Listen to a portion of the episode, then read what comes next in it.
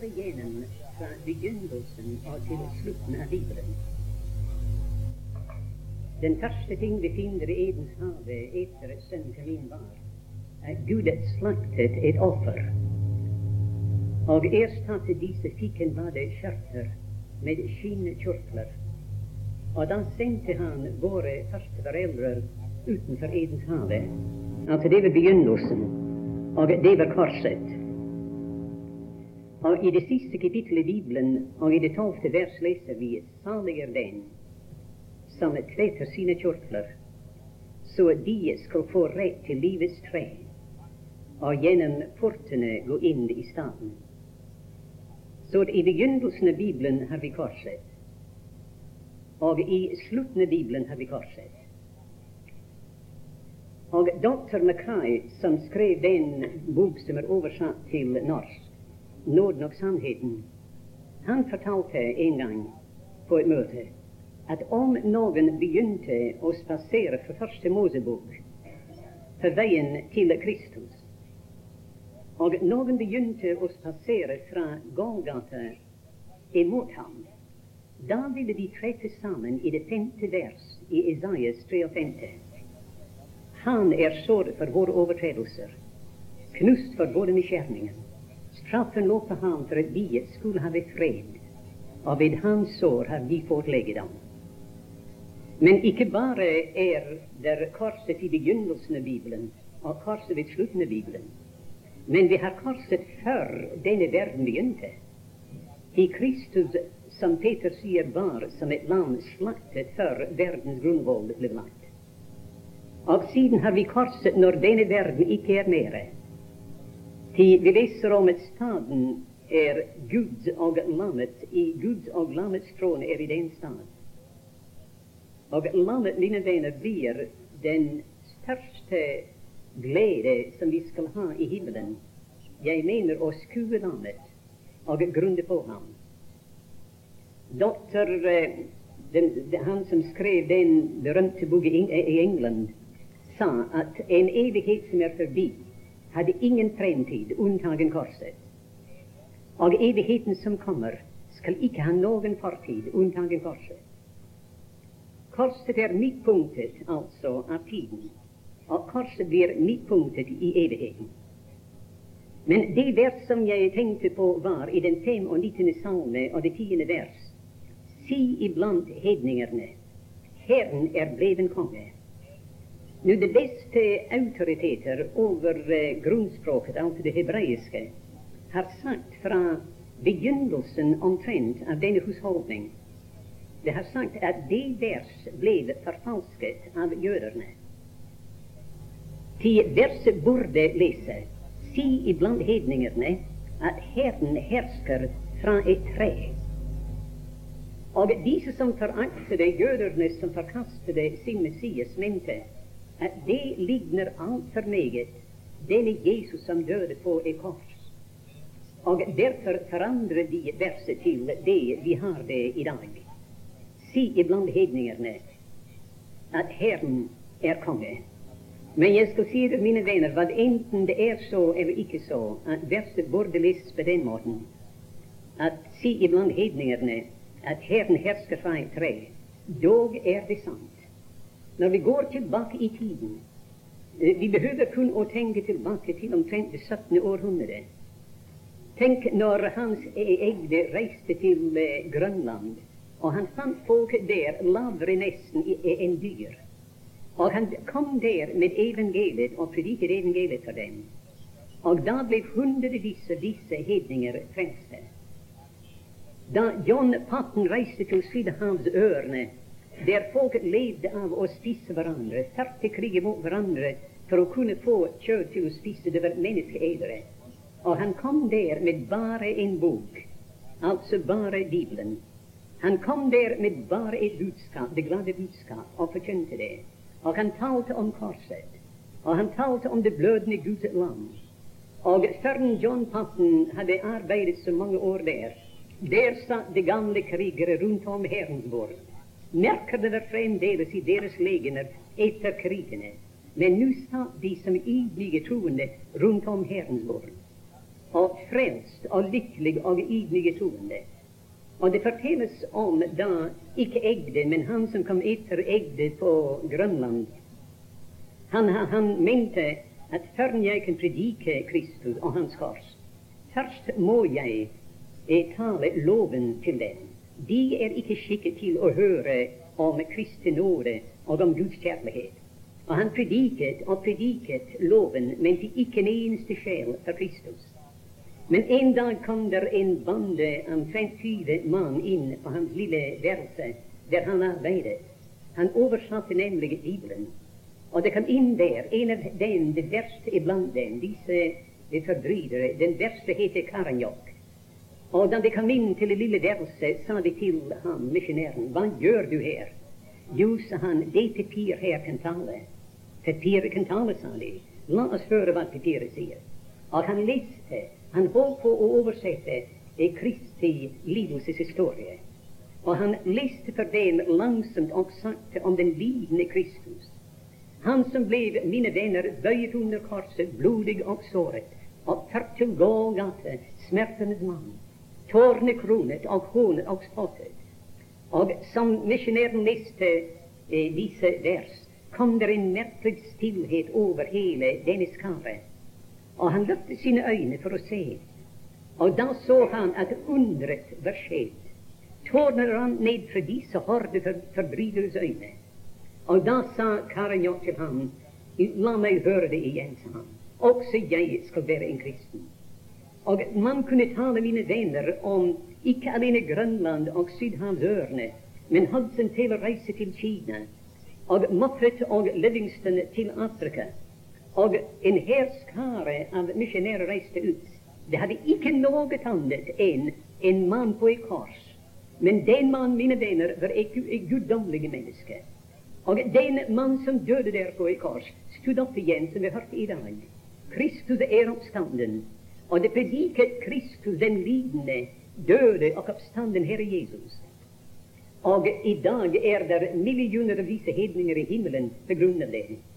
Og disse i sydhavdørene den gangen var det under England. Og England hadde prøvd alt som prøvdes kunne. Både kanoner og geværer og, og straff og alt mulig. Men det ble hva det var. Ingenting hjalp den. Men her kommer en ensom mann, John Patten, og han kom der med forkynnelsen av en som døde på et tre. Og følgen var, mine venner, underet skjedde. Og, og disse kjære hedninger ble omvendt til Herren. Vi finner det igjen den ganske Bibel. Job i det niende kapittel klager han der. Da han sier der til igjennom det niende kapittel Det hadde anklaget kjære Job i det åttende kapittel, en av hans eh, trøstere. Og denne trøster sa at Gud forkaster ikke en som er ustraffelig. Og da sa Jobb sannelig, jeg vet at det er så. Men, sier han, hvor er den ustraffelige mann? Jeg vet at Gud ikke straffer en ustraffelig, men hvor er han? Jeg er ikke den mann. Til om jeg skulle gå i rette med ham, jeg skulle ikke kunne svare ham til, til ett av tusen, sier han. Ikke ett av tusen spørsmål. Og når vi kommer ned til enden av han prøver den ene tingen etter den andre. Og han, han, han, når han kommer ned til enden av kapitlet, sier han Å, han er ikke en mann som jeg, ellers kunne jeg gå i rette med ham. Å, at det var en voldgift mann i Nelemas. En mellommann i Nelemas. At det var Nelemas en som kunne legge sin hånd på oss begge. En som kunne legge sin hånd til Gud der og på meg her og bringe oss sammen. Mine venner, Paulus forteller oss det som Job ønsket den gangen. Paulus forteller oss hvor han er. Jobb sa å, der var en mellommann. Paulus sier, min kjære Jobb, en mellommann er nå kommet.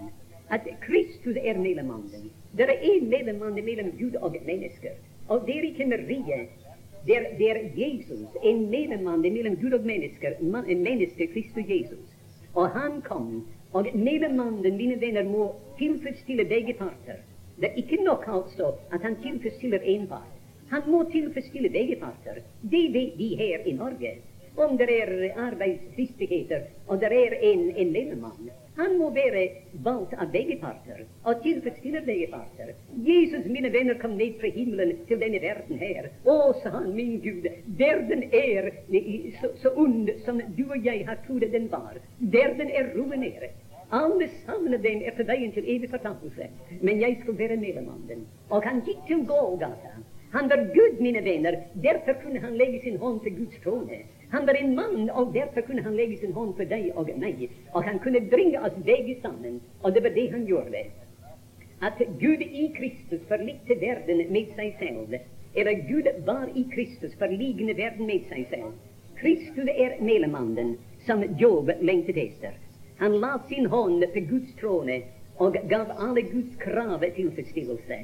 Han legger sin hånd på den stakkars sønder og tilfredsstiller han og hans hjerte og bringer den begge sammen. Og da, som vi hørte allerede i dag, da kan denne kjære sønder legge seg opp til Faderens bryst og si Abba, Fader, se, jeg kommer. Og løfter våre øyne og se inn i Hans velsignede øyne og si, min Gud, min Fader, jeg er så nær, så ganske nær til deg, at mer nær jeg tenkes kan. Til nå er jeg ute i din sønn, jeg er så nær som Han.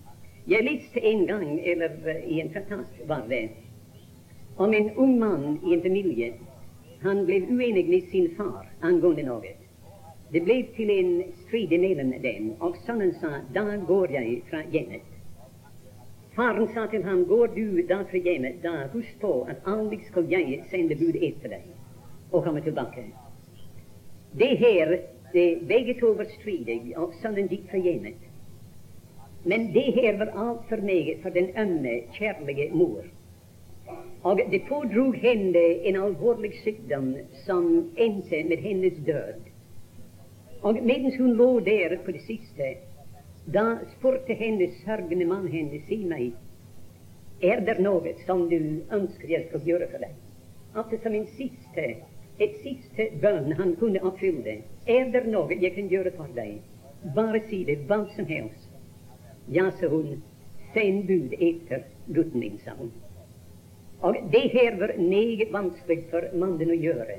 Men der lå den døende hustru, og han selv hadde lovet å gjøre hva som helst for å tilfredsstille henne, og han sendte bud etter sønnen.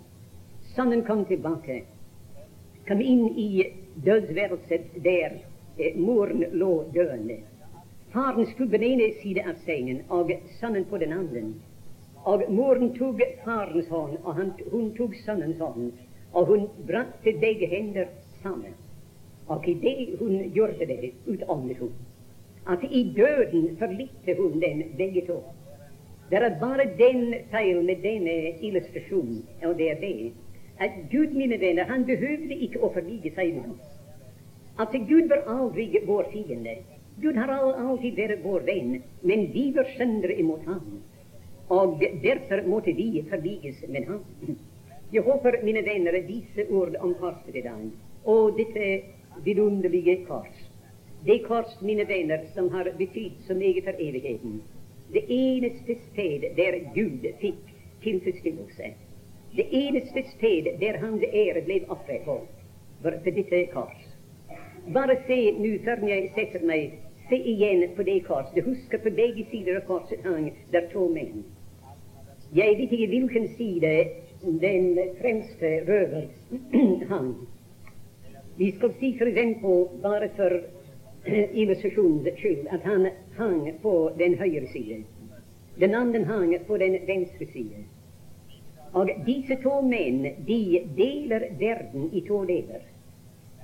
Den, den ene på den venstre side, om det var der den ufrelste røver hang, der hang han, og han hadde synder i seg. Og han hadde synder på seg. Og han døde i sine synder. På den andre side hang den andre røver, den fremste røver. Han hadde synden i seg, men ikke synder på seg. Det har vi hørt om i dag.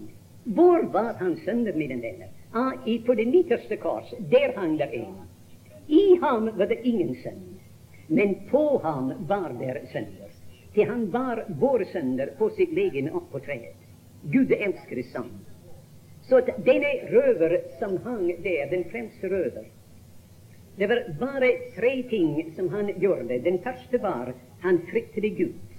Det forstår vi til han i irettesatte den første og sa frykter ikke du engang Gud? Han fryktet Gud.